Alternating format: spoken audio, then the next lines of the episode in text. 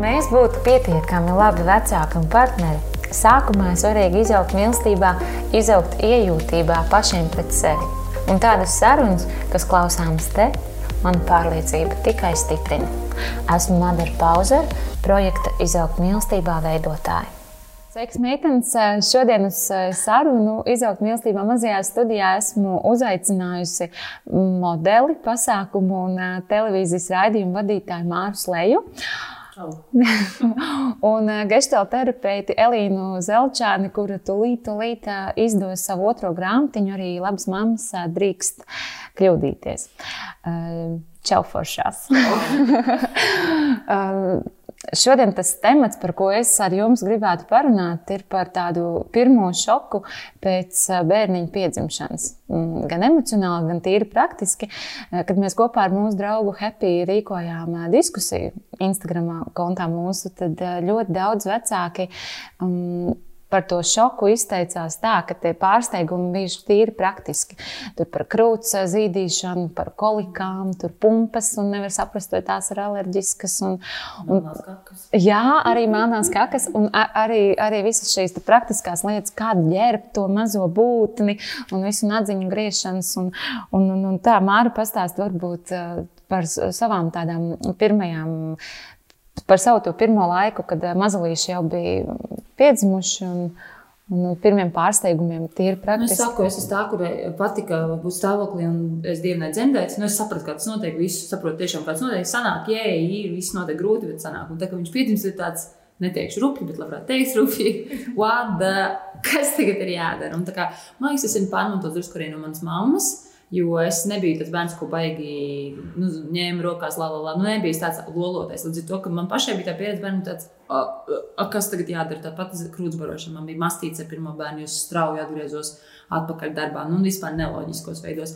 Ar otro bērnu es kā biju sagatavojis. Es visam bija ēdienas saldētavā. Visi zināja, cik grūti būs, kad ir divi mazi bērni. Tas, bet pēc tam tieši ir tik grūti, ka tu nespēji iztēloties. Jo man liekas, tā lielā izmaiņa tieši tas, ka agrāk bija ciemi, kur daudz cilvēki to bērnu tomēr piestīja. Un tad tu kā mamma tur ņemies bērnu, visu māju, tu visu iztīri. Bet, kad tu paliec desmitajā dienā viena ar diviem, es saprotu, ka viss tev ir jāizdara pašai. Es, nu, es pilnīgi noteikti sajūtu prātā kaut kādā mirklī, vai man bija klīniska depresija. Pilnīgi noteikti nē, bet tāda ļoti depresīva stāvokļa un visādi un bezspēks un tas. Un, un tas vairāk bija saistīts ar to, ka it kā es esmu gatava, it kā es esmu izgājusi visiem tiem visiem kursiem, stārķi likdā un visam, visam, bet tagad tu viņu tiec.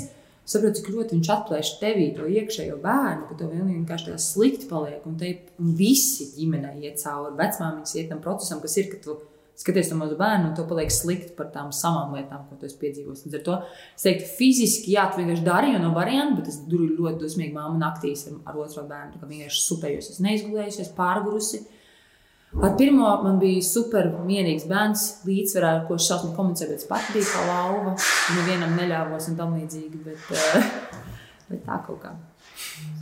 Tīri praktiski, kas tev bija tie lielie palīgi un kā tu tiki galā ar to? Mm, pirmkārt, vīrs pilnīgi noteikti ļoti, ļoti, ļoti iesaistījās. Un arī visi mani darbi, pirmo gadu, cik es varēju strādāt, bija vienmēr vīrs palika ar bērnu, un tikai tad pēc tam sākās.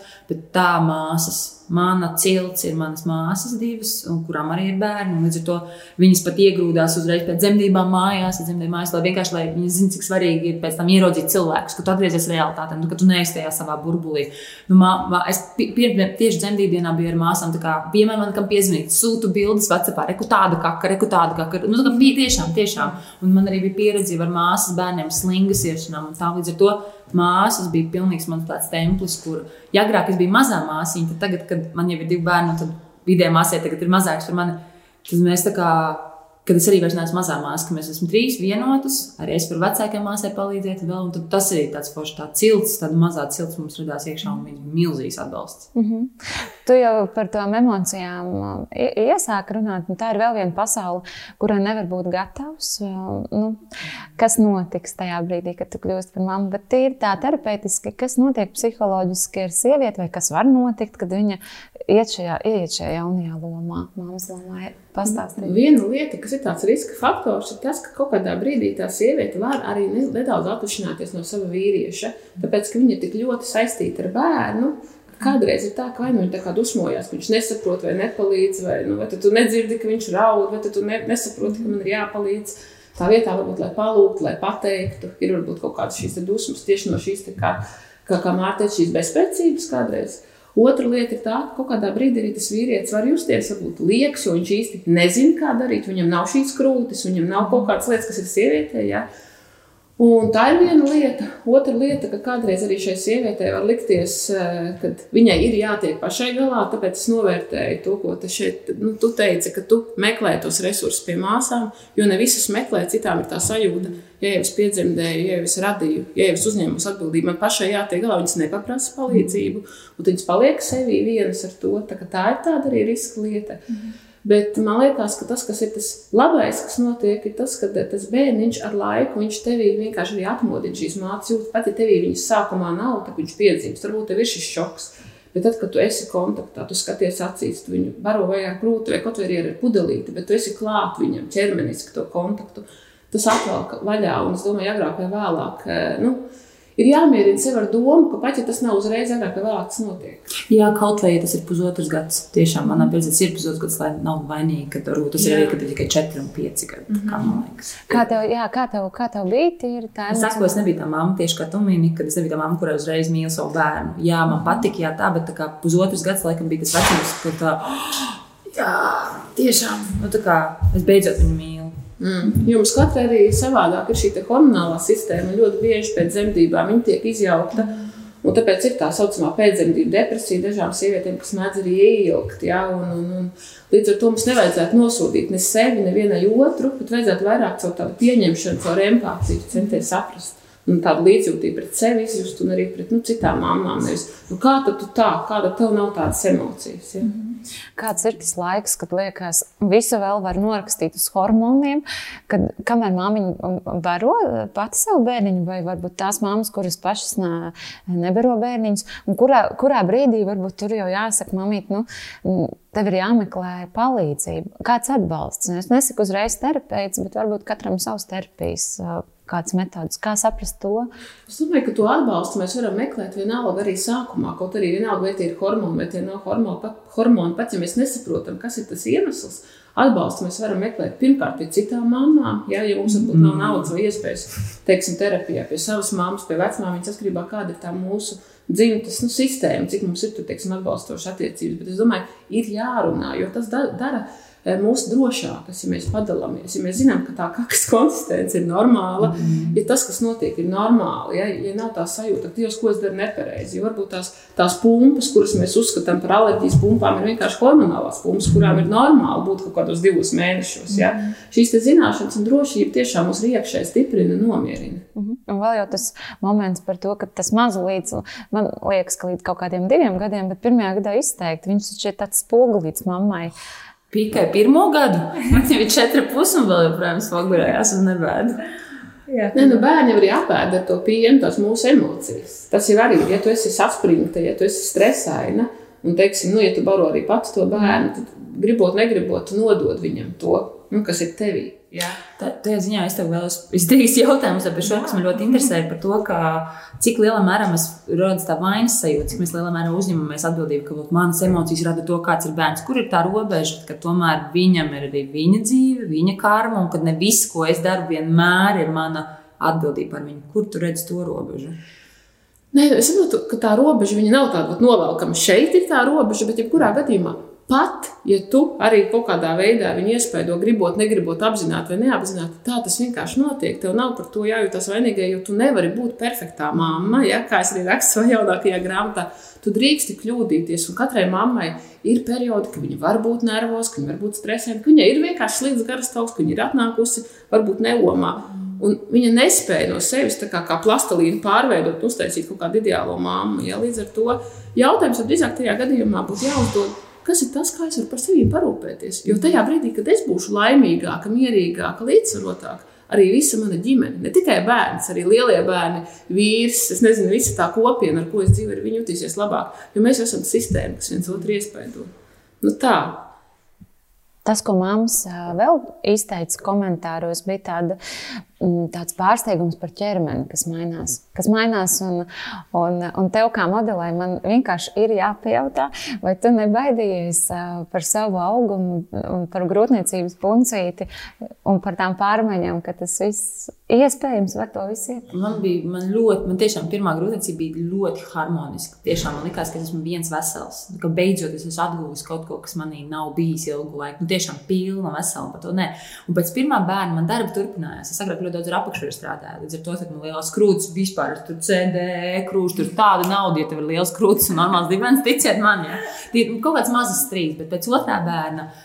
Uh, jau vairāk ar vienu, nu, gan visi ir tādi platā gurnboli, kurš saka, nu, un, jā, bija, un, un tas ietekmēja arī manu darbu un arī peļņu, tāpēc man liels prieks, ka man ir visādi tagad uh, raidījumu, tiešraides un tam līdzīgas lietas, jo manas krūtis vairs neizskatās tā, kā viņas izskatījās, kad es ar viņām pelnīju naudu. Pilnīgi noteikti, ne, jā, viņas var ielikt krūšturī, bet arī man pašai tagad ir grūti atrast vispār krūšturu, kaut kādu lentītu uzvilkt un tā. Tas ir lielākais šoks, ko es tikai tagad sāku pieņemt, kad man bija bildēšanās pirms gada žurnālam pasteiguma, kur man stilisti dod visu laiku drēbes. Nē, krūtis tur nevajag, ir seksīgi, seksīgi. Man tā, A, varbūt ir arī seksīgi. Tā kā, ko es tur cepjos? Tad, jā, viņas ir uz zemes, viņas ir tādas nu, suņa austiņas, kā saka, vai ne? Bet kaut kā, un es arī tagad spēlēju, pasakos, kas tur ir? Skaidrs, es izbraucu, bet tas paiet, man pagāja laiks, kamēr es to savu, es biju krūšu meitene. Mans darbs desmit gadus bija saistīts ar krūtīm. Mm -hmm. Tā, tas bija pārdzīvojums, ar kuru dažreiz man liekas, es kaut ko vēl pasaku par krūtīm, bet īstenībā es priecājos, ka viņas ir, viņas ir veselas un, un viņas ir. Un viņas varbūt pat ir seksīgas, kas tagad tiešām var atļauties neuzvilkt krūšturu. Tā ir īstenībā ļoti ērta sajūta. Mm, tā ir vienkārši tā doma, fo, ne, fokusu mainīšana. Jā, jā. Un arī par strijām, nu, var, nu, piemēram, bildēšanās, nu, nofotošopēs ar tām pašām strijām, kas man ir uz vēdera, nu, visu, ko tu ņemies. Labi, bet es varu pielikt rokas, daudz modelis arī dara, lai nav jāfotošē, jo dārgs fotoshops, bet uh, tas ir sīkums īstenībā. Pieņemt, pieņemt, pieņemt, man šķiet, tas ir atslēgas vārds visam tam laikam, kad bērniņš ir piedzimis un kad nāk tie viens izaicinājums viens pēc otra. Tu arī savā grāmatā, pirmajā grāmatā par perfekcionismu raksti nodaļu pēc nodaļas, par tādu sevis mīlēšanu. Kā tev šķiet, arī šajā kontekstā par savu ķermeņa pieņemšanu, kas ir sevis mīlēšana? Mēs šodien visādi definējam mm -hmm. to jēdzienu. Nu, pirmkārt, tad, kad tu kādu mīli, tev vajag zināt, kā par šo kādu, ko tu mīli, parūpēties. Piemēram, ja tu mīli kaķēnu, tev vajag zināt, nu, viņam vajag tur smiltiņas, vai viņam vajag tādu barību, viņam vajag tur, nezinu, kaut kāds mantiņas, vai tur orhidejai vajag tur tādu un tādu mēslojumu. Tāpat tās mums sākumā ir jāsaprot, kādas ir mūsu vajadzības. Jo, lai mēs varētu sevi mīlēt, mums ir par sevi jāparūpējas. Tas nozīmē, mums jāsaprot, ir intelektuāli, ko mums vajag, emocionāli, ko mums vajag, fiziski, ko mums vajag, garīgi, ko mums vajag. Un tajā brīdī, kad mēs esam sev mazliet iepazinuši, tad mēs varam soli pa solītam tik, cik mums ir šie resursi tajā brīdī parūpēties. Man patīk tas salīdzinājums ar mūsu ķermeni, kā ar tādu māju, mūsu dzimtas mājām, kurām varbūt tās ir drusciņi jau jumts kaut kur pabojāts, kur kaut kas tek, varbūt, ja kaut kur kāds ķirmis, ja kādai guļbūvē vecai varbūt ir izgrauzis kādu. Bet tā ir mūsu māja, mums citas nav. Tā ir tā mūsu vienīgā. Un, ja mēs par šo ķermeni nerūpēsimies, vienalga, viņam ir strīds, vai tur ir bijis ķēzars, vai tur ir vēl kaut kas tāds Tad jautājums, vai tāpēc viņš paliks skaistāks vai labāks, ja mēs viņu pavisam atstāsim novārtā. Ja? Tāpēc tas mans uzskats ir tāds, ka mums ir jādara labākais, ko mēs varam savam ķermenim, savai dzīvei, lai kāda viņa arī būtu. Pie ja? apstākļiem. Pie šiem apstākļiem, esmu. kuros es esmu. Man arī bija pēc 3. un 4. bērna nabas trūce, un man nekad vairs nebūs tāds skaists, varbūt vēdriņš, kā man bija šis lapsens augums vidusskolā. Bet tā tas ir, toties man ir četri skaisti, veseli bērni. Un, Nu, man nav jābūt par apakšveļas modeli. Es priecājos par to, ka es nu, varu izskatīties arī tāpat labi un kustēties un būt brīvi. Un tā, man liekas, tā pieņemšana, ka tu dari kaut ko savā ķermeni, ķermeņa labā, tā kā nākotnē, bet vienlaikus pieņem to, ko tu varbūt arī nevar mainīt. Mm -hmm. Pieņemt arī to, ka varbūt laika vairs nav sev tik varbūt daudz kā bija. Jo vēl māmas dalījās ar savu pārdzīvojumu par, par, tiešām par to tā kā šoku, ka, ka viņas nezināja, ka viņas bērniņam būs tik ļoti vajadzīgs, ka bērniņš viņas tik ļoti gribēs klāt un, un ka viņas vairs nevar iziet no mājas, ka laiks ir jāplā, jāplāno ļoti un ka viņas vairs nevar iziet no mājas tā nu, es vēlos un eju. Ja?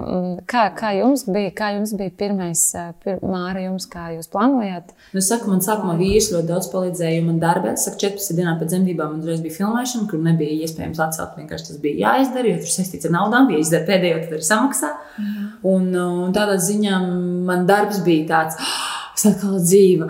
Un man ļoti ilgu laiku likās, ka tagad es esmu darbā, un tas ir tā, tā, ir, tā ka es esmu tā vecā māra, kas bija, un ka man ir tas laiks un tā. Un tad šogad es beidzot sapratu, ka nē, ka es vairs nekad nebūšu bezbērnu sieviete. Man ir bērni, un ka Beti man liekas, ka es uz nedēļu aizbraucu nometnē strādāt, kuras esmu kā sev. Tāpat visu laiku ir zapāra mājās. Ah, viens saslims, tas ir vienkārši tāpēc, ka mm. šis nekad nebeigsies. Tas bija liels sērs, bet par to iziešanu Mēs par to vīrieti arī ko teicu. Es ļoti baidos pazaudēt vīrieti. Man kaut kādā ziņā viņš ir svarīgāks. Tāpēc, varbūt tāpēc, ka tā bērnu mīlestība lēnām nāca. Un līdz ar to tā man uzmanība bija ļoti ātri atpakaļ uz vīru. Nu, man vajag viņu, man, jo viņi daļai arī mani aprūpē arī fiziski kaut kādā ziņā. Un es vienmēr saku, ja mums ir krīzes, es mēģinu to kaut ko esmu teikusi. Reizes mēnesī randiņš ir minimums mums kopā. Un, lai mēs varētu kaut kur kopā aiziet, mums, mums jābūt tam laikam arī atsevišķi. Un, Un tas ir, tagad tas ir auklītis, tagad tas ir reāli auklītis, un tagad es atļaujos arī manam bērnam, bet bērnu dārzā. Un mans darbs ir tāds, ka pāršķirās tādā vakaros, brīvdienās, nu, to pasākumus vai kaut ko tādu. Tad to es atļaujos aiziet pirmdienā uz kino. Es ticu, ka šī, un dažreiz jūtos vainīgos, kā es varu pirmdienā vai arī uz mežu aizbraukt. Mm. Vai tiešām tas drīkst, jo viss cits strādā. Kā, kā, bet man ir tas darbs, kurš ir mainīgs, kurš ir pilnīgi nestandarts. Varbūt tā, ka nu, ar to es sev ļauju šo sajūtu nejusties vainīga par to, ka es pirmdienā aizbraucu vienkārši uz mežu, vienu pastaigāties to viņu laiku, tāpēc es dienu bērnu dārzus, mm -hmm. man tagad pēc tiem četru gadu, četru pus laiku ir tā iespēja tiešām iedot sev to laiku. Un arī es jūtu, kā man ir enerģija vienkārši kūsēt, kūsēt, jo man ir, man ir ko elpot, un pat vairāk nekā vīram ir spēks. Tas man ļoti priecē. Mm. Bet tu esi tā mamma, kur ļoti, mm, tu esi pats stāstījusi, ka tu esi terapijās, un kur ļoti gan par to mm, ciešo piesaisti, gan par visu to emocionālo pasauli. Tu ļoti daudz nu, lasi un, un, un, un, un pati mēģini Nu, kā tev tās pretrunas, vai, vai tas nesagādā nekādas pretrunas, kad ir, ir šī sajūta par to, ka gribās to savu laiku, un, un tajā pašā laikā tu uzzini un izlasi tās teorijas, kurās saka, ka bērnam ir vajadzīga. Bērnam ir vajadzīga māte. Ja, tāpēc man ļoti interesanti būs tā jauna grāmata, izlasīt, par ko es domāju, ka būs nākamais jautājums. Jo tur ir tā feature, tu izlasi teorijas. Un kāpēc es lasu tās grāmatas, man arī terapeiti ir teikusi, es ik pa laikam, 15 gadus eju, ik pa laikam ar pauzēm un teikšu, ka tu vienmēr izlasi, un tad mēģini to pielietot. Jo man nav vienkārši failu par to. Es saku, mūsdienās Google ir mammas vietā, jo tie padomu laiku, ko nu, rīktīs arī jau pirms nu, kara visu, un padomu laiku salauza to sistēmu. Organisko, kas bija, ka mēs nododam, par ko tu jau minēji. Līdz ar to tās grāmatas man ir tādi mazie failiņi, bet man gribas tagad tavu grāmatu izlasīt, saprast, ka teorija ir viens un praksa ir otrs. Un tagad ar vien vairāk es jūtu, ka kaut kādas lietas vienkārši atkrīt. Nu, tā kā ai, nu, lai tur gūtu tādu, nu, ka vienkārši saprot īpaši ar otro bērnu, ka pirmam tur tiešām nav failu, un tur super mēģini pēc prakses, bet tomēr sajūtām. Un, un tur ir tā robeža. Man ļoti patīk, ka mūsdienās ir tik daudz informācijas, ka tu vari tiešām atlasīt to, kas tev dara, un, un neizmantot viņu jebkurā vecumā vienkārši muļķīgi. Nu, tieši tie, kas sēž, kā teica viena dāma, 80 gadīgi, ir divi veidi cilvēki. Tie, kas izvēlas būt laimīgi, un tie, kas izvēlas būt nelaimīgi. Un man zināšanas un informācija par visu man dod iespēju pašai veidot un izvēlēties būt laimīgai, zinošai. Un atbild, uzņemties atbildību mm -hmm. par to. Jo bērns nav, ah, uztaisījām traļveļu. Tā ir milzīga atbildība. Kur tā, kad vīrs ir komandējumā, tā ir 24, 7 atbildība, tad viņš smots nosnovis. Mm -hmm. Tāpēc. Uh, un, jā. un, un reizēm liekas tā, vismaz man pašai personīgi, nu, ja es nebūtu šo izlasījusi, un ja es to neiz, nezinātu, tad es vēl varētu tur, nu, piemēram, nu, Ja man godīgi, tad par bērnu dārzu, kad aizlaist, pieņemsim, 18 mēnešos valsts iestādē, nu, situācijas ir dažādas, bet, ja ir iespēja, tad tagad, kad es zinu, ka tas bērniņš tiešām vēl nav gatavs, es to nevaru izdarīt, jo es jau kaut ko esmu izlasījusi, un es jau zinu, nu, nu pastāsti par tām nodaļām, kas ir iekļauts tavā grāmatā jaunajā, un, un vai tu tiešām palīdzēsi visām tām mamām, kuras ir centīgas un, un, un, un lasa un uzzina visu jauno, un tajā pašā laikā kaut kur jū, jāsajūtās arī pašai, pašai sevī. Mm. Nē, nu, manā grāmatā ir eh, vairāk rakstīts par to, tiešām, kā ir šī te teorija, kā vajadzētu un kā ir tajā praksē, un kā sieviete tiek tikt galā starp to vēlamo un esošo. Jo arī man, kā četru bērnu mammai, nevienmēr izdodas visu realizēt tā kā grāmatā. Ja? Bet tas ir arī tas stāsts par to, lai tu atrastu labāko šajā tavā situācijā priekš bērna. Es pastāstīšu, teiksim, situāciju par to pašu bērnu dārzu. Mm -hmm. Man eh, vecākie divi bērni aizgāja no trīs gadiem. Nu, kā ir pareizi, ja tajā drošajā vecumā. Rekomendējami. Rekomendējami. Mm -hmm. Bet tā, kad piedzima mana trešā meitiņa, arī tā, teiksim, finansiālā situācija ģimenē bija tāda, ka es nevarēju atļauties tikai būt mājās un neko nedarīt. Un tad bija divi varianti. Vai nu es viņu palaidu divos gados un divos mēnešos uz dārziņu, Un tad man ir iespēja tiešām pastrādāt, rakstīt, darīt šīs lietas. Otrs variants, viņa paliek ar maniem mājās, tad es jebkurā gadījumā sēžu pie datora un saku, tagad nē, pagaidi, paņem malā, pacieties. Un tad jautājums, kas bija tajā brīdī labāk? Vai tas bērns, kas ir nodarbināts bērnu dārzā, varbūt, protams, vienu pusgadu ātrāk nekā vajadzētu, vai arī otrs variants, ka mamma ir blakus, bet vienlaikus viņa nav blakus. Mm. Un, ja mēs izsveram šo situāciju, tad, manuprāt, tas bērns bija labāks. Protams, ja man būtu bijusi situācija, kas var pilnībā pieslēgties, ka es varu būt ar viņu un rotaļāties, un nevis, teiksim, būt tajā datorā un darīt šīs lietas, kas man jādara. Es arī esmu par to, ka tam bērnam ir vajadzīga tā mamma. Nu, vismaz tiem līdz tiem diviem gadiem tā mīlestība un drošība ir vajadzīga. Vai nu līdz trīs, tas vēl tāds diskutabls, bet mm -hmm. arī mans uzskats ir, ka pusotrs gads varbūt ir drusku par ātru, viņš vēl nemāk runāt, viņš nevar iestāties par savām vajadzībām. Bet tas ir jautājums, kas būtu otrā pusē, ja mēs to nedarītu. -hmm. Un, ja tur ir piemēram kāda sieviete, kurai resursi ir izsmelti, kur ir varbūt finansiāls mm. problēmas, kur viņa beigās vienkārši krīt histērijā, dusmās, Jā. un tad viņa tam bērnam varbūt ar to emocionalitāti savu nespēju savaldīties nodara vairāk pāri. Jo, nu, tas ir jautājums vienmēr par labāko tajā situācijā, ko mēs varam. Mēs kaut kad par šo tēmu arī runājām, kad mēs tikāmies, taisījām materiālu izaugsmu mīlestībā platformā. Un tajā pašā reizē mēs runājām vēl par kādu lietu, par tiem otriem, trešiem bērniņiem, kas ienāk ģimenēs. Un, un tā arī bija vecāku bažas, ko viņi izteica publiski par to, ka nebija gatavi, ka nespēs būt ar abiem. Ar abiem īpaši starpība, tev arī starpība ir, starpība ir ļoti maza. Un, un tajā reizē, kad es prasīju, kā tu vari nenodarīt nu, pāri tam vecākajam bērnam. Tu man ļoti īsi atbildēji, Nu, nevar. Nu, nav tas iespējams. Viņš nezina, kā ir būt. Ne, tā kā otra, man piemēram, liekas, otrais nezina, kā būt vienīgajam. Līdz ar to tu nevari nodarīt otriem pāri, jo viņš nezina, kā būt pirmajam. Tur arī tāda spēle. Ne, man ar vecākiem diviem bērniem ir gads un mēnesis. Man ir pavisam maz, man gandrīz vai kāda viņa auga. Un, kā jau teicu, viņi abi divi auga ar tādu domu, ka tā tas vienkārši notiek. Bet skaidrs ir tas, ka, protams, ka mēs mazliet atņemam tam vecākam, lai kā mēs censtos, lai kā mēs gribētu. Mums sanāk viņam mazliet atņemt, bet no otras puses tāda ir šī dzīve, ka tev augot lielākam, vienmēr būs jāsaprot to, ka nu, tu nevari dabūt visu, lai kā tu gribi. Tāpēc es saku, tas, ko mēs kā vecāki varam darīt, ir uzdot sev jautājumu, kas ir labākais, kā es varu šajā situācijā iedot to mīlestību abiem bērniem. Varbūt vienā brīdī vīrs paņem mazo, es esmu ar lielo, mēs atkal samainamies. Ir kaut kādas dienas katram bērnam, īpašās individuālās tieši ar viņu. Ja, vai, vai kā, bet vienkārši mēģināt radoši pielāgoties situācijai. Mm. Ir lietas, ko mēs varam darīt kopā. Sēžam uz abiem e, stilbiem, mm. abi bērni, vai trīs bērni, vai noguļās mamma. Zvaigznīgi. Nāciet, jau nāciet visi pie manis. Vienkārši meklējam radoši. Jo jautājums ir tāds, mēs jau varam tagad uzlikt kaut kādus ideālos uzstādījumus. Vajag tā, vajag tā, vajag tā. Un tad ir tā pretī tā realitāte. Mm. Un kāda jēga, ka tā mamma tāpat nevar atbilst tam ideālajam. Un beigās viņi jūtas slikti, un no tām sliktām emocijām viņi vairs nevar priecīgi spēlēties ar bērniem, jo viņi neapmierināti ir ar sevi. Viņi arī tajā kontaktā ir nīgrāka. Tos labāk ir meklēt radošas pielāgošanos, kā to var izdarīt. Ja? Kādā veidā. Arī man šeit ir vakaros lekcijas vai semināri. Un tad es atkal cenšos kādreiz izņemt no pusdienas laika dārziņā bērnus, kaut ko padarīt, aiziet uz baseinu vai ne nu, kaut kādā veidā radoši kompensēt un pielāgoties. Un ir tā, kā ir. Man īstenībā palīdzēja ļoti bija tāda grāmata, protams, atkal uh, Siblings without rivalry, uh, kā palīdzēt bērniem dzīvot kopā, lai jūs varētu arī dzīvot, nu, kā vecākiem. Un tā galvenā doma, ko es no tā paņēmu, mierinājums bija tas, ka, jā, mēs visu kaut ko paņemam, atņemam, mēs salīdzinām vēl, vēl kaut ko, bet man bija tas, ka mēs katru vīru, bērnus visu mīlam, bet mēs katru mīlam īpaši katru savā veidā. Un man tas vienkārši novēla to atbildību, kad kā es tagad maziņo bučoju, bet lielā tur nevaru. Tagad lielo ņemos un mazais tur tā, un vīram vispār nekas. Īpaši. Tu neesi pilnīgi tāds, kā ir tava māsa. Tu esi īpašs, un es tevi mīlu īpaši. Un tevi māsas mīlu īpaši. Tu esi neesi pilnīgi kā brālis. Bet, kā, un, nu, kad, un es saprotu, ka katram ir tas mans savs. Viņš ir otrs bērns. Un es viņu mīlu kā otro bērnu ar visu to grūtumu, vēl kaut ko. Bet, un tas man bija tāds.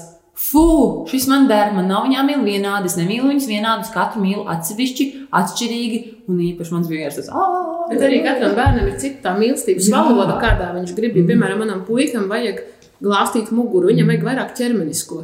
Vecākajai meitai vajag sarunas, mazākajai meitai vajag rotaļas. Ja? Un līdz ar to, ja es iešu ar mazāko meitu mēģināšu tikai runāt vai čubināt, viņa teiks, bet paspēlējies ar mani, ja tu man mīli. Ja? Un vecākā kaut grib parunāt. Un, tā kā arī tas ir tas, kas ir jāizjūt. Kādā veidā viņš grib saņemt to tavu uzmanību un tavu laiku. Man ir jautājums. Jā, tu drīkst.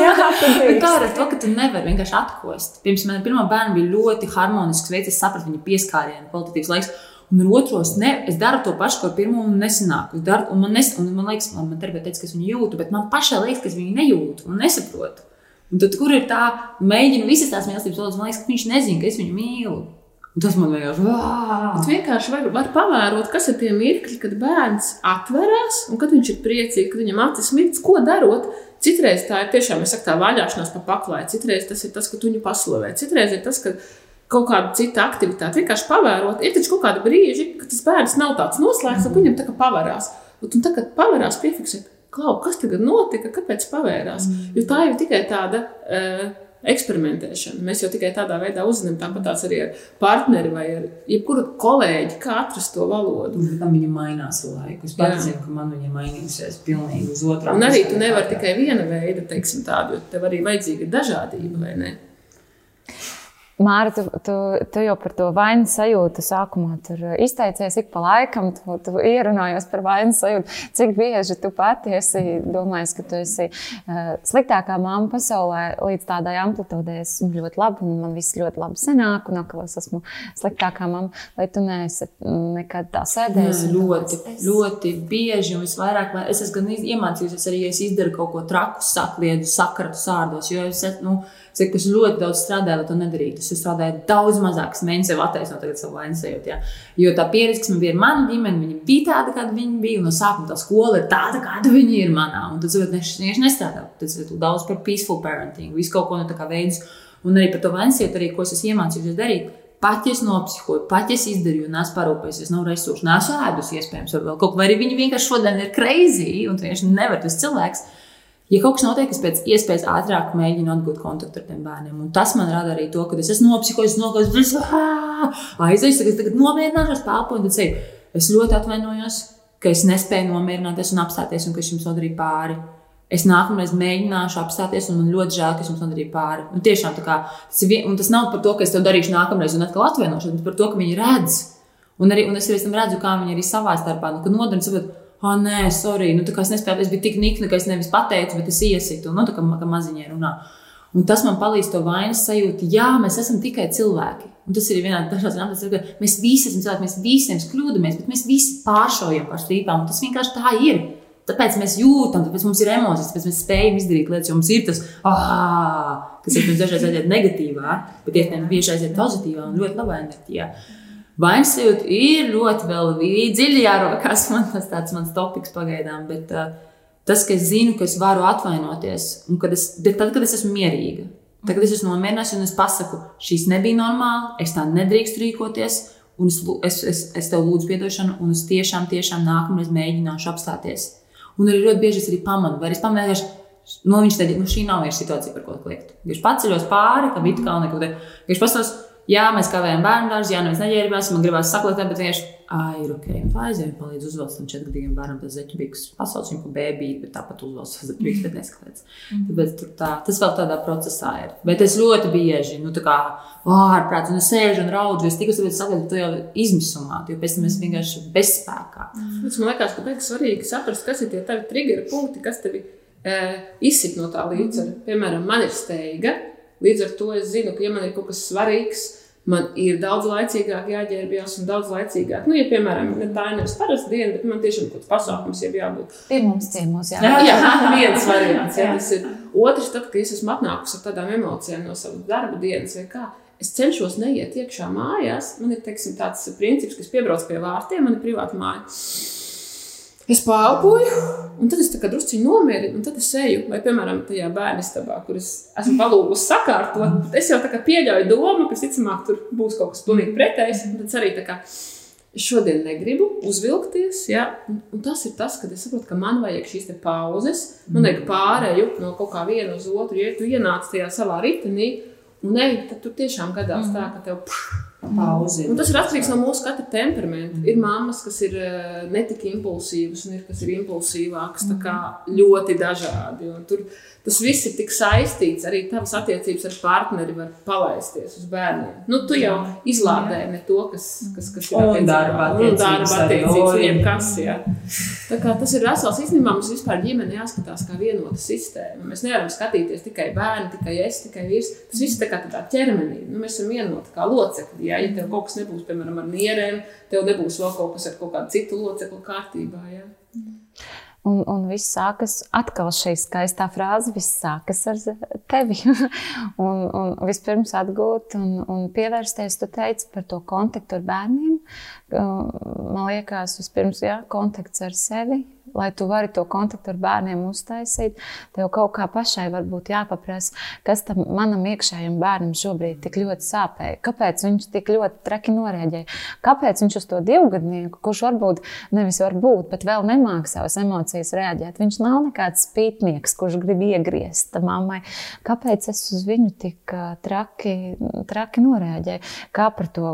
Mm, kontaktu ar sevi. Ko tu iesaki varbūt ā, tajā brīdī, kad, jā, kā teici, dažādi temperamenti. Mm. Sievietēm, kuras ir mierīgākas, kurām varbūt vispār kliēkšana nav nekāds. Arī es pati esmu ļoti ekspresīva, emocionāla un ekspresīva sliktākais salikums, kāds reizēm var būt.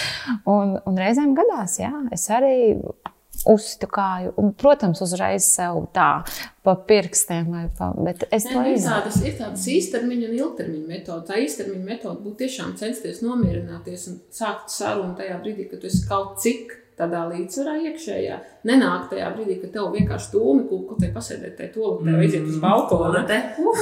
Nolaist, nolaist vaigu, jā. Nezinu, padzerties ūdeni, nomazgāt ceļu. Tas ir tāds īstermiņa, jā, ko tu vari darīt. Ja iekniept sev atgādināt. Atkāpties. Atkāpties, jā. Bet, ja mēs runājam par tādām ilgtermiņa lietām, tad tā ir psihoterapija, apziņotības, jebkura treniņa, dienas grāmatas rakstīšana, darbs ar to, lai tu saprastu, kas ir manī. Ja?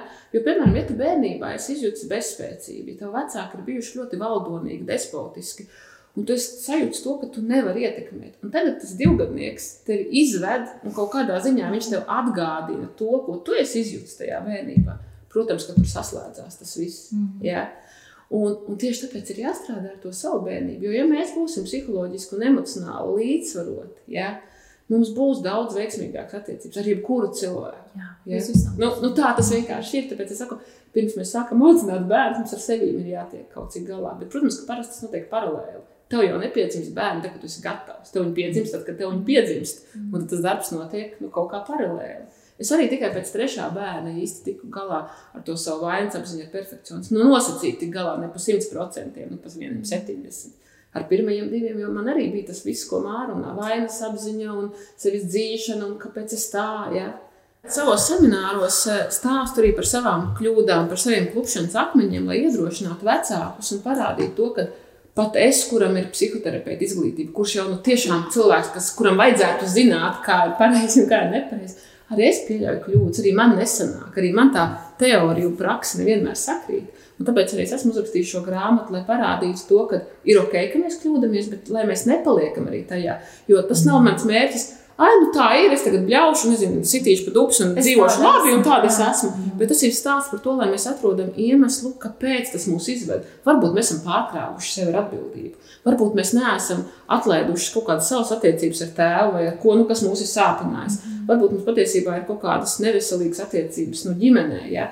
Un tāpēc, nākot pie sevis un rokoties un atrodot to iemeslu, mēs pēc tam varam kļūt par labākām mamām. Bet sākums ir tas, pieņemt un izturēties empātiski pret sevi. Un tad pa mazam solītam iet uz to, lai sakārtotu. Un tad es gribu turpināt bieži vien arī, nu, tas jau ir tās tās tālāk, arī empātiski pret citiem.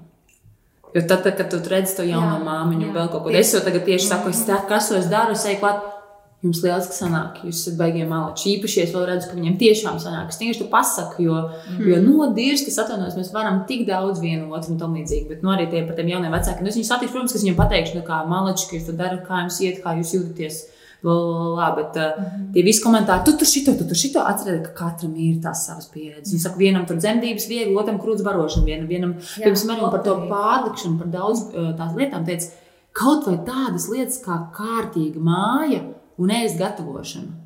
Protams, ir jābūt pēstam, bet kādā ziņā mums arī tas uh, tīrības kūts ir tik liels, ka bērnam jābūt tīram. Tad, ja tu palaidi to, saka, man ir draugs, kuriem vecāki, mūsu laikos mums viss bija tīrs. A, tu vispār man runāji mūsu laikos. Viņai ir pilnīgi, man arī laimes putekļi veļās, bet es esmu to bērnu vai arī. Tas teicat, ka bērns ir vai nu tīrs vai laimīgs. Jā, nu tie ir manai laimīgi. Viņa nav. Es vismaz gan vienreiz dienā, nu, ja tie. Bet otra lieta, es, piemēram, vienreiz palaidu vaļā pēc vienas sarunas terapēta. Vienkārši vakariņu gatavošana. Man rievis gatavot, man nepatīk gatavot, man ļoti bieži negaršo tas, ko tāda mammas kaut kāda man tīča. Un viņš palika vaļā. Un mans vīrs sāk gatavot. Vai man terapeits prasīja, kurš tev teica, ka tev jāgatavo? Mm -hmm. Un es to palaidu vaļā, un man uzlabojas attiecības mājās bērniem, pēc vienkārši mm -hmm. izdomāt tie, standarti, vēl kaut kas tāds. Nu, nē, jā, es to dažreiz daru, jā, es to izdaru. Vai, arī es to daru, tad, kad bērni ir mājās un ar viņiem kopā? Viens komentārs par to gatavošanu. Tipisks, viens tipisks latviešu Ziemassvētku rīts. No rīta viņi iejauc pīrāgu mīklu, bērni nemaisieties pa kājām, tikko grīdas uzmazgājiet, iet prom, tagad nevar, man jāgriež rasols, man tas jādara. Viņa ir noņēmusies, viņa uz visiem ir sadusmojusies, pēc tam viņa traucē, viņa saklājas perfekto galdu, izrotājas perfekto egli, atnāk ciemiņi, viņa skraida, virtuve, viesistaba noņēmusies, svētki paiet, viņa atjēdzās pie tās kaudzes, ne viņa ar kādu parunājusi, ne viņa ir izbaudījusi. Galvenais viss bija perfekts. Man šodien gribēja vispār pateikt, lai pits vienkārši pasūta vīrmāte. Nu, viņš pasūta pizzu. Tas ir tas stāsts, tie ir tie mūsu stereotipi par to, kas ir tas svarīgākais. Jā, vai svarīgākais ir tiešām tas kontakts, tās emocijas, kā teica, tās sarunas, vai svarīgākais ir tā perfektā māja, tie perfektie pīrāgi un tas, kā izskatās. Jā. Mm. Un bieži jau tos mēs jau, nu, tieši tā, mēs jau paši izdomājam, ka mums tā nav sabiedrība, kas mums uzspiež kaut ko. Mēs jau izdomājam kaut kādus tos modeļus, kurā vajag uh, iekļauties. Protams, ka mēs redzam uh, Instagramā smukās bildes, piemēram, varbūt arī ne tik smukās, bet uh, mēs redzam, nu, uz ko varbūt tas viss ved, bet pa lielam jau mēs uh, paši iz, izvēlamies tās robežas, kurā brīdī mani tas ietekmēs un kurā brīdī tas ir, tas man, manas, tas ir grūti, jā, jo jā, laiku tas ir stāsts par līdzsvaru. Tu nevari visu laiku uh, barot bērnus ar oltoniem, ar pelmeņiem un ar junk food. No otras puses, ja tu tikai visu laiku tikai to vien darīsi, kā taisīs ekošu meko kaut kāds brokoļu sautējums. Ja? Nu, varbūt uzvārso frikadeļu zupu nu, uz divām dienām lielo kalnu, tad tev ir miers otrā dienā. Vienā reizē tu vairāk pievērsies tajā mājā, pēc tam tu vari kādas dienas atslābt. Kaut kādā brīdī palūdz vīram, kaut kādā brīdī mm. pat, kaut kādā brīdī vienkārši ir kā ir. Ja? Mm. Tas jau laiks tāds par līdzsvaru. Jā, par līdzsvaru un visu rezumējot, mēs varam teikt par atbalsta un palīdzības meklēšanu. Nekautrēties, prasīt. Pateikt, jā, man ir, man ir vajadzīga palīdzība. Jā. Tas ir ļoti grūti. Un, tas ir ļoti grūti, jā, jo to mums neviens neiemāca. Tā arī ir kaut kāda sajūta, un bieži no bērnības, kāpēc es nevaru, kāpēc, es, kāpēc man liekas, ka jābūt lepnai šajā brīdī, vai kāpēc man pašai tas viss ir jādara vai jāvar. Tā kā meitenes ļoti jauki, paldies jums par šo sarunu, un noslēgumā mums ir dāvans jums no mūsu draugiem, no mūsu draugiem Happy kādās ekokulītēs, lai nav jāmet ārā. Tas ir jums, mīļās. Cerams, paldies, ka, paldies. cerams, ka būs vērtīgi un noderīgi. Un paldies, ka atradāt brītiņu un atnācāt pie mums. Paldies! paldies.